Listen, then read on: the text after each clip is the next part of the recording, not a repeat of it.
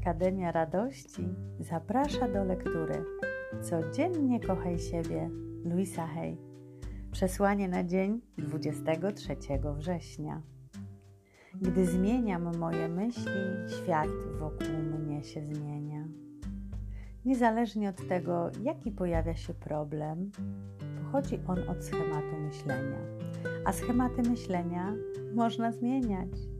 To prawda w przypadku wszystkich problemów, z którymi zmagamy się w życiu. Jednak niezależnie od tego, jak trudny jest problem, to tylko wynik czy rezultat wewnętrznego schematu myślenia. Jeśli nie wiesz, jakie myśli tworzą Twoje problemy, jesteś teraz we właściwym miejscu, bo ta książka została opracowana, aby pomóc Ci się dowiedzieć. Popatrz na problemy w swoim życiu. Zapytaj siebie, jakie to myśli, które mam, stworzyły tę sytuację?